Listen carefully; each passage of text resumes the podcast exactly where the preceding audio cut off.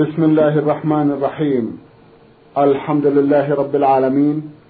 والصلاة والسلام على نبينا وسيدنا محمد وعلى آله وصحبه وسلم. مستمعي الكرام السلام عليكم ورحمة الله وبركاته. وأسعد الله أوقاتكم بكل خير. هذه حلقة جديدة مع رسائلكم في برنامج نور على الدرب. رسائلكم في هذه الحلقة نعرضها على سماحة الشيخ عبد العزيز بن عبد الله بن باز الرئيس العام لإدارات البحوث العلمية والإفتاء والدعوة والإرشاد. مع مطلع هذه الحلقة نرحب بسماحة الشيخ ونشكر له تفضله بإجابة السادة المستمعين فأهلا وسهلا بالشيخ عبد العزيز. حياكم الله. حياكم الله. نعود مع مطلع هذه الحلقة إلى رسالة المستمع فتحي محمد مؤمن. أخونا فتحي من جمهورية مصر العربية مدينة السلوم محافظة مطروح بعث بعدد من الأسئلة من بينها سؤال يقول ما هو نصاب الأموال التي يزكى عليها؟ بسم الله الرحمن الرحيم. الحمد لله صلى الله وسلم على رسول الله وعلى آله وأصحابه ومن اهتدى أما بعد هذا سؤال عام والأموال أنواع. كل نوع له نصاب. نعم. فنصاب الذهب عشرون مثقالا. ومقداره اثنان وتسعون غرام. ومقداره بالجنيه السعودي والفرنجي أحد عشر. جنيه وثلاثة أسباع جنيه. فإذا بلغ الذهب هذا المقدار وجب فيه الزكاة. وهي ربع العشر. من كل أربعين جنيه جنيه واحد. وإذا بلغت العملة قيمة ذلك سواء كان بالدولار أو بالجنيه المصري أو كانت غير ذلك إذا بلغت هذا المقدار وجبت فيها الزكاة ربع العشر. أما الفضة فنصابها مائة وأربعون مثقالا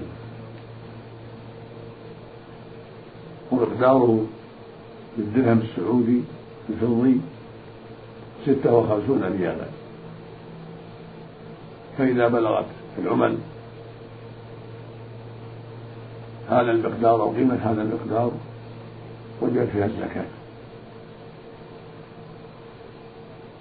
وهي ربع العشر. من الألف خمسة وعشرون. من الألفين خمسون وهكذا. أما الحبوب والثمار فنصابها خمسة أوسق والوسق ستون صاعا بصاع النبي عليه الصلاة والسلام. فإذا بلغ حاصل التمر أو الحبوب من الذرة الحنطة الشعير أو الأرز ثلاث ثلاثمائة صاع. النبي صلى الله عليه وسلم يعني خمسة أوسق وجدت فيها الزكاة. وصاع النبي صلى الله عليه وسلم أربع حفنات باليدين المعتدلتين المملوءتين. والواجب نصف العشر. إذا كان الزرع أو النخل يسقى بمؤونة كالمكاين. والسواني ففيه نصف العشر من كل ألف خمسون. كل ألف. وزنه مثلا أو كيلو خمسون. وهكذا العنب إذا بلغ من خمسة أوسق. مثل التمر.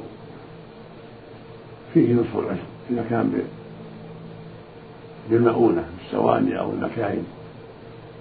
أما إذا كانت الحبوب التي لا تسقى بالمطر أو بالأنهار أو بالعيون الجارية ففيها العشر كاملة من كل ألف مئة. كل ألف صاع أو ألف كيلو مئة كيلو. ومئة صاع. ومن عشرة الآلاف ألف كامل. وهكذا. وعروض التجارة في السلع التي تعد البيع من السيارات والأقمشة والأواني ونحوها هذه نصابها نصاب الذهب والفضة. إذا بلغت قيمتها نصاب الذهب والفضة وجبت فيها الزكاة ربع العشر وأما الإبل والبقر والغنم فلها نصوب خاصة. إذا كانت سائمة ترعى غالب الحول أو كل الحول. فإن فيها زكاة مقدرة قدرها النبي صلى الله عليه وسلم في الغنم في أربعين شاة شاة واحدة. وإذا كانت الغنم أقل من أربعين ما فيها شيء.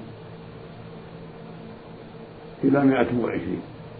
فإذا زادت على مائة وعشرين صار فيها شاتان مائة وإحدى وعشرين شاتان إلى مائتين إذا على مائتين ففيها ثلاث شياة.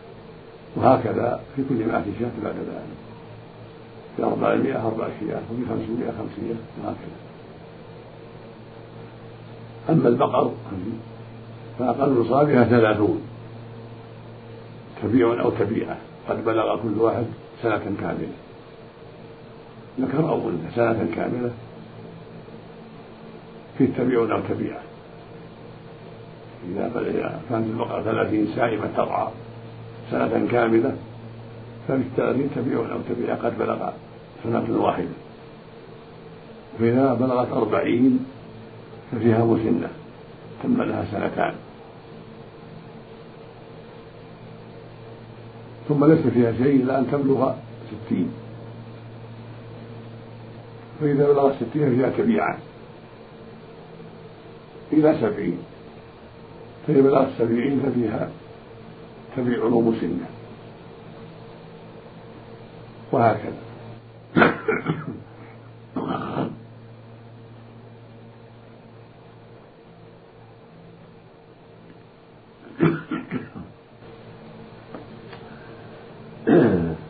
في كل أربعين مسنة وفي كل ثلاثين تبريع فإذا بلغت مئة وعشرين استوى الفرضان إن شاء أخرج ثلاث مسنات لأنها فيها أربعين ثلاث مرات وإن شاء أخرج أربعة أتبعة لأن فيها ثلاثين أربع مرات. أما الإبل فأنصباؤها متعددة. ففي الخمس شاة واحدة وفي العشر شاتان وفي وفي خمسة عشر ثلاث شياه وفي عشرين أربع شياه فإذا بلغت خمسة وعشرين ترعى غالب السنة أو كل السنة وجب فيها بنت بخار بكرة تم لها سنة ودخلت في الثانية. إلى ست وثلاثين إذا بلغت ست وثلاثين ففيها بنت لبون أنثى تم لها سنتان. إلى ست وأربعين. إذا بلغ ست وأربعين فليحقها طلقة جمل تم لها ثلاث سنين. إلى إحدى وستين. فإذا بلغت إحدى وستين ففيها جذعة قد تم لها أربع سنين. ودخلت الخامسة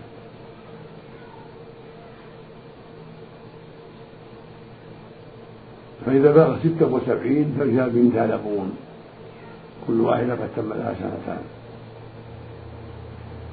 إلى إحدى وتسعين. فإذا بلغ إحدى وتسعين في حقتان طرقة الجمل إلى مائة وعشرين. فإذا بلغت مائة وعشرين ففيها ثلاث بنات لبون إلى مائة وثلاثين. فإذا بلغت مائة وثلاثين ففيها بنت لبون وحقة واحدة. بنت لبون في ثمانين وحقة عن, عن الخمسين. الجميع حقه بنت لبون في مائة وثلاثين. فإذا بلغت مائة وأربعين ففيها حقتان عن المئة بنت لبون عن الأربعين. فإذا بلغت مائة وخمسين ففيها ثلاث حقات وهكذا. في كل أربعين من لبون وفي كل خمسين حقة لكن بشرط أن تكون ترعى. سائمة غالب السنة أو كل السنة. في البقر والغنم والجميع فإذا كان معلفة فليس فيها شيء. إذا كانت تعلف غالب السنة ليس فيها شيء. إلا أن تكون للبيع للتجارة فإنه يزكيها زكاة التجارة. سواء كانت إبل أو بقر أو غنم يزكيها زكاة التجارة. إذا كان في البيت نعم. وإن كان يعرفه والله ولي التوفيق. جزاكم الله خيرا. أجرت رجلا أرضا حرثها شعيرا. ولكنه لما نضج الزرع باعه لشخص آخر والزرع ما زال في زرعه ولم يحصد بعد. فعلى من تجب الزكاة على الأول أم على الثاني؟ جزاكم الله خيرا. على الأول. أيوة. إذا اشتد الحق وفي ملك عليه الزكاة. أيوة. جزاكم الله خيرا. يسأل ويقول رجلان اشتركا في حرث قطعة أرض. ولكن الذي قام بالعمل حتى أصبح إذا كان شرطها المشتري باعه وشرط عليه أن الزكاة عليه فصارت الزكاة عليه. نعم. بارك الله فيك. نعم. في سؤاله الثاني يقول رجلان اشتركا في حرث قطعة أرض ولكن الذي قام بالعمل حتى أصبح المحصول جاهزا لكي يقتسما هو شخص واحد فقط. فعلى من تجب الزكاة؟ على الاثنين أم على الذي لم يقم بجمع المحصول الذي هو سعيد؟ يقول رجلان اشتركا في حرث قطعة أرض ولكن الذي قام بالعمل حتى أصبح المحصول جاهزا شخص واحد فقط. فعلى من تجب الزكاة؟ على الاثنين أم على الذي لم يقم بجمع المحصول؟ ما دام مشتركين والبدء منهما العمل بينهما ولكن سمح أحدهما بالقيام بالعمل عن صاحبه؟ فالزكاة عليه لأن المال مالهما نعم. نعم. اللحية هل هي سنة واجبة يجب المحافظة على إعفائها أم هي سنة مستحبة لا يعاقب على تركها؟ اللحية فريضة. لا يجوز تعرضها. لا بحق لا بحلق ولا بقص يجب إعفاؤها وإكرامها وتوفيرها وإرخاؤها. سنة من جهة الشرع تسمى سنة من جهة أنها مشروعة. وتسمى واجبة لأن الرسول أمر بها وفرضها عليه الصلاة والسلام. قال عليه الصلاة والسلام غص الشوارب وأعفوا اللحى. خالفوا المشركين وقال غص الشوارب ووفروا اللحى. خالفوا المشركين وقال عليه الصلاة والسلام جز الشوارب وأرف اللحى. خالف المجوس هذه كلها حديث صحيح عن النبي صلى الله عليه وسلم فالواجب على المسلم إعفاؤها وإكرامها وتوفيرها ولا يجوز له قصها ولا حفظها. نعم. جزاكم الله خيرا. أحد المستمعين بعث بسؤال يقول فيه رضعت مع ابن عمي من أمه ورضع معي من أمي أكثر من خمس مرات لكل منا. فما حكم زواجي بأخته؟ أو زواجه بإحدى أخواتي. يقول رضعت مع ابن عمي من أمه ورضع معي من أمي أكثر من خمس مرات لكل منا فما حكم زواجي بأخته أو زواجه بإحدى أخواتي التي لم يكن بينه وبينها رضاع ما دام رضع من أمك فأخواتك حرام عليه إذا كان الرضاع كما قلت خمس رضاعات أو أكثر. أيوة. لأن أخواتك أخوات الله بالرضاعة وهكذا أنت ما دمت ولدت من أمه فجميع أخواتك حرام عليك لأنهم أخوات لك. إذا كان أولئك من الأم من تلك المرأة التي أرضعتهما. نعم. نعم جزاكم الله خيرا. المستمع ميم شين عين من محافظة مطروح برج العرب بعث برسالة مطولة ضمنها عددا من الأسئلة من بينها سؤال يقول فيه بجوارنا الكثير من الأضرحة والقبور المرتفعة التي أوقدت عليها السرج وتذبح له النذور من دون الله ويحلف بأصحابها والعياذ بالله. فإذا ما تحدثنا للناس وبينا لهم بأن هذا شرك وأن عليهم أن يتوبوا إلى الله قالوا بأنهم وجدوا آباءهم على هذه الحالة التي وصلت فماذا نفعل إزاءهم؟ وجهونا ووجهوهم. جزاكم الله خيرا. الواجب على عليكم وعليهم إزالة الأبنية التي على القبور وتركها ضاحية شامسة كما كانت القبور في عهد النبي صلى الله عليه وسلم البقيع وغيره وكما كانت القبور في بلاد أهل السنة والجماعة من قديم الزمان ولا يجوز البناء عليها ولا اتخاذ المساجد عليها لأن الرسول نهى عن ذلك عليه الصلاة والسلام قال لعن, الله اليهود والنصارى اتخذوا قبور أنبيائهم مساجد وقال جابر بن عبد الله الأنصاري رضي الله عنه نهى رسول الله صلى الله عليه وسلم عن تجسيس القبور والقعود عليها والبناء عليها. ولا يجوز لأحد من الناس أن يدعوها من دون الله أو يستغيث بأهلها أو ينذر لهم أو يذبح لهم أو يطلبهم المدد أو يتبرك بتراب قبورهم كل ذلك منكر هو الشرك الأكبر نعوذ بالله. الواجب تنبيههم وليس لهم حجة في تقليد آبائهم.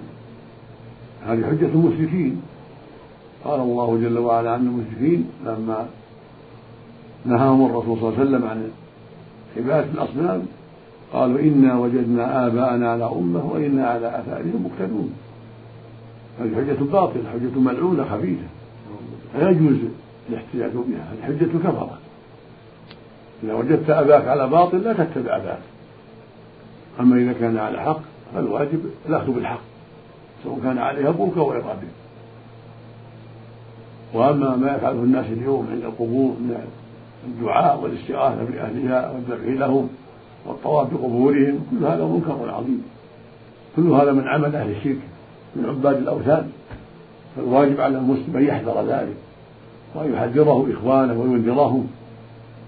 والواجب على العلماء في كل مكان أن يحذروا الناس وأن يرشدوهم وأن يوضحوا لهم حقيقة التوحيد وحقيقة الشرك وأنه لا يجوز لأحد أن يدعو الميت من دون الله. ولا أن يستغيث به ولا أن يذبح له ولا يطلبه المدد ولا يطوف بقبره.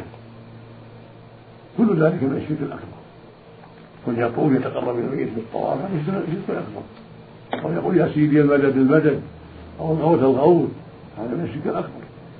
هذا من جنس عمل بجهل وأشباهه من عباد القبور وعباد الأصنام. فالواجب عليكم أيها السائل أن تستمروا في النصيحة والإنكار وأن تطلبوا العلماء أن ينبهوهم ويوضحوا لهم ويرشدوهم حتى يتركوا هذا الشرك وحتى يزيدوا هذه الأبنية التي على القبور وتبقى القبور ضاحية شامسة ليس عليها بنا. نسأل الله للجميع الهداية. اللهم آمين. جزاكم الله خيرا ونفع بعلمكم. يسأل سؤال آخر ويقول بعض العامة يقولون إن سيدي فلان قد ظهر من قبره نور وإن سيدي فلان يضع الجمر على لسانه فلا يحرقه وإن سيدي فلان نادى ولده في بلد آخر فسمعه ابنه ولبى النداء وأن الكاهن فلان سئل عن بهيمة مسروقة فدل على مكانها وعندما نقول لهم بأن هذه من أفعال الشيطان بعضهم يكذب وينكر ذلك. والبعض يقول أقوالا قبيحة فهل نتجنبهم لأنهم يسخرون من أهل التوحيد ودعاته أم نجابههم رغم ما نستعرض رغم ما سنتعرض له من أذى وسخرية؟ أفيدونا؟ جزاكم الله خيرا. كل هذا خرافات يجب الإنكار على من فعله. ولا يجوز التساهل في ذلك. وعليكم الصبر. سواء أن تكون أن يكون الكلام بالحكمة والأسلوب الحسن. لعل الله يهديهم بأسبابكم فإن هذه من شعولة الشيطان وتزيينه للباطل خرج من قبل فلان نور. أو أن نتكلم أباه في محل الفلاني وأجاب أو أن البهيمة موجودة في محل كذا. هذه من أعمال الشياطين. والشياطين يتناقلون الأخبار ويوصي بعضهم بعضا بالباطل. فلا يجوز الاحتجاج بهم ولا الاغترار بهم.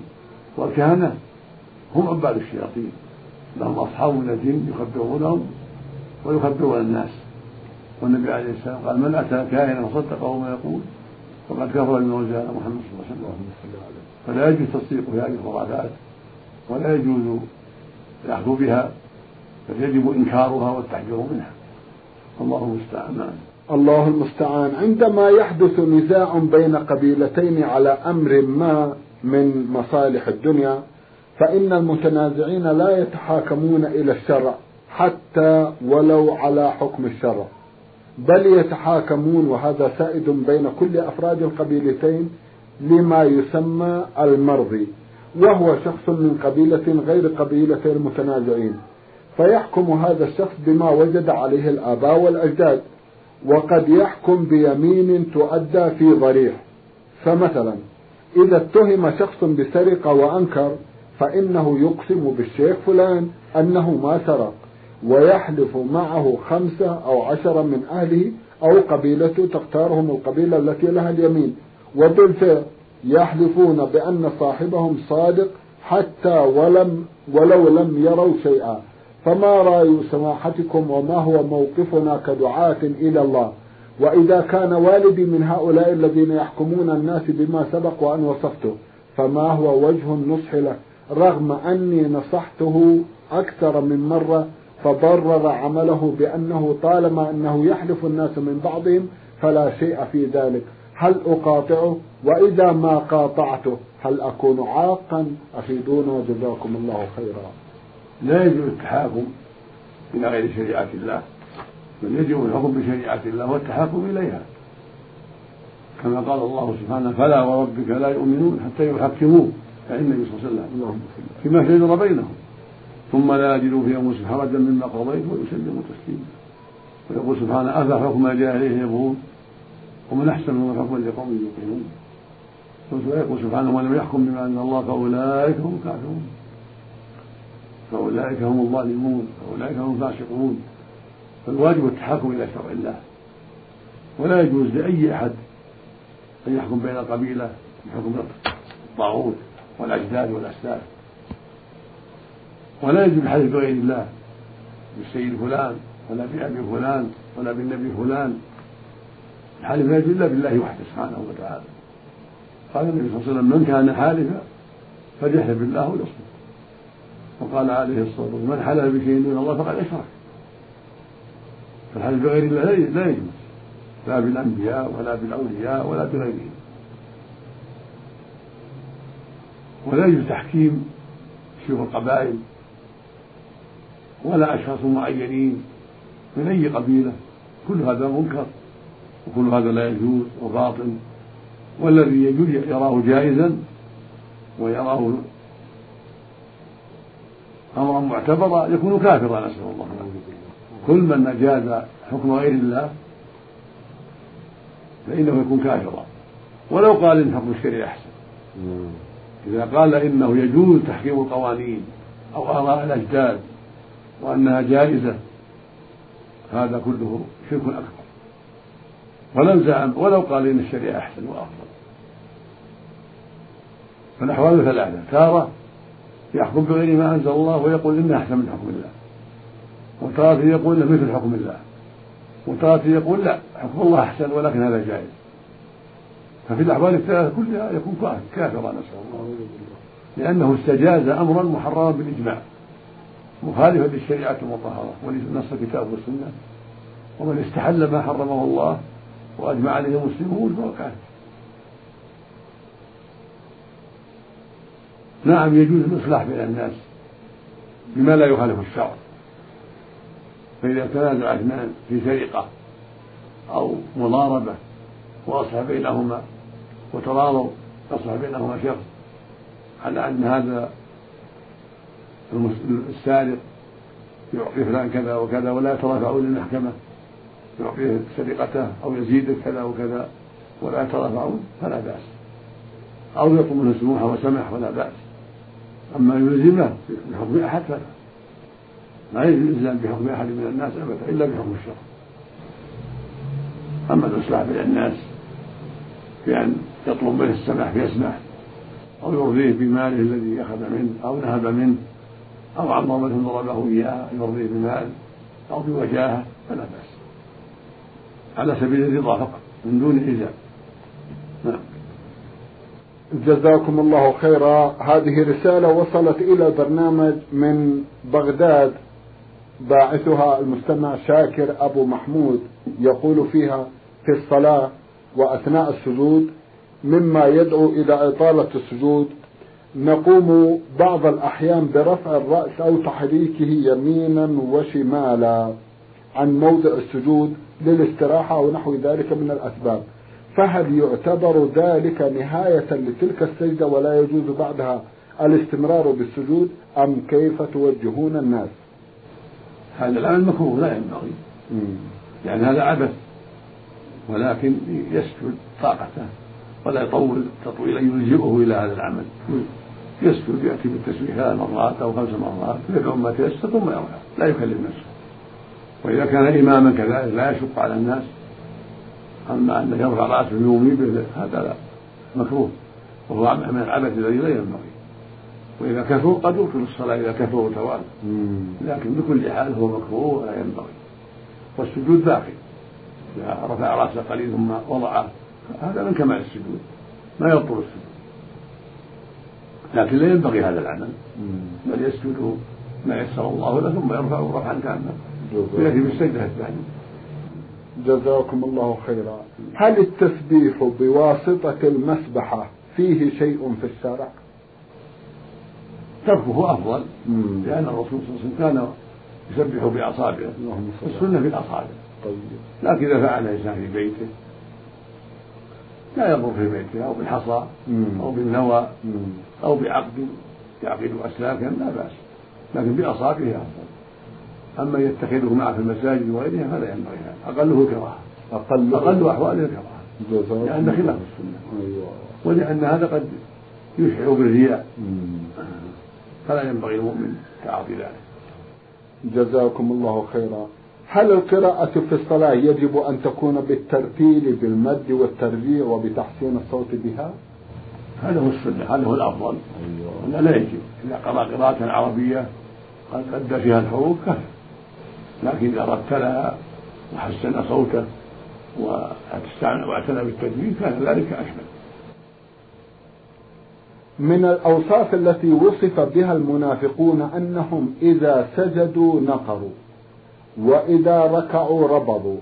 فكيف يكون الربوض لتحاشي ذلك ومخالفتهم؟ المعروف عن المنافقين النقر. النقر. ينقرها يعني يعجل فيها. في ركوعه وسجوده لا يذكر الله فيها إلا. قليلا أما الربط في كلام بعض العلماء فالربط أن يسجد وهو معتدل. مثل ربط البهيمة. يسجد وهو معتدل. السنة يعتدل في سجوده. يسجد على يديه وركبتيه وأطراف قدميه وجبهته وأنفه. رافعا بطنه عن فخذيه وفخذه عن ساقيه ورافعا ذراعيه عن الأرض. هذا هو السجود المعتدل ما يربط ضامن بعضه إلى بعض بطنه على فخذيه وفخذيه على ساقيه وذراعيه على الأرض مثل ربط البهيمه هذا مكروه لا ينبغي. لكن السنة أن يسجد سجودا معتدلا ليس برابط. جزاكم الله خيرا. المستمع عبد الرحمن بن عياد موسى بعث يسأل ويقول يختلف الناس عندنا في أكل الهدهد. فمنهم من يقول لا يجوز أكله لأن سيدنا سليمان عليه السلام لم يذبحه ومنهم من يقول بجواز أكله لأنه من الطيور غير ذات المخلب أي أنه ليس من الطيور الجارحة. نرجو بيان وجه الصواب. جزاكم الله خيرا. الهدهد لا يجوز أكله. لأن الرسول نهى عن قتله عليه الصلاة والسلام. فهو بصفة خاصة منهي عن قتله. نعم. جزاكم الله خيرا. سماحة الشيخ في الختام أتوجه لكم بالشكر الجزيل بعد شكر الله سبحانه وتعالى على تفضلكم بإجابة السادة المستمعين وآمل أن يتجدد اللقاء وأنتم على خير. اللهم آمين. مستمعي الكرام كان لقاؤنا في هذه الحلقة مع سماحة الشيخ عبد العزيز ابن عبد الله بن باز.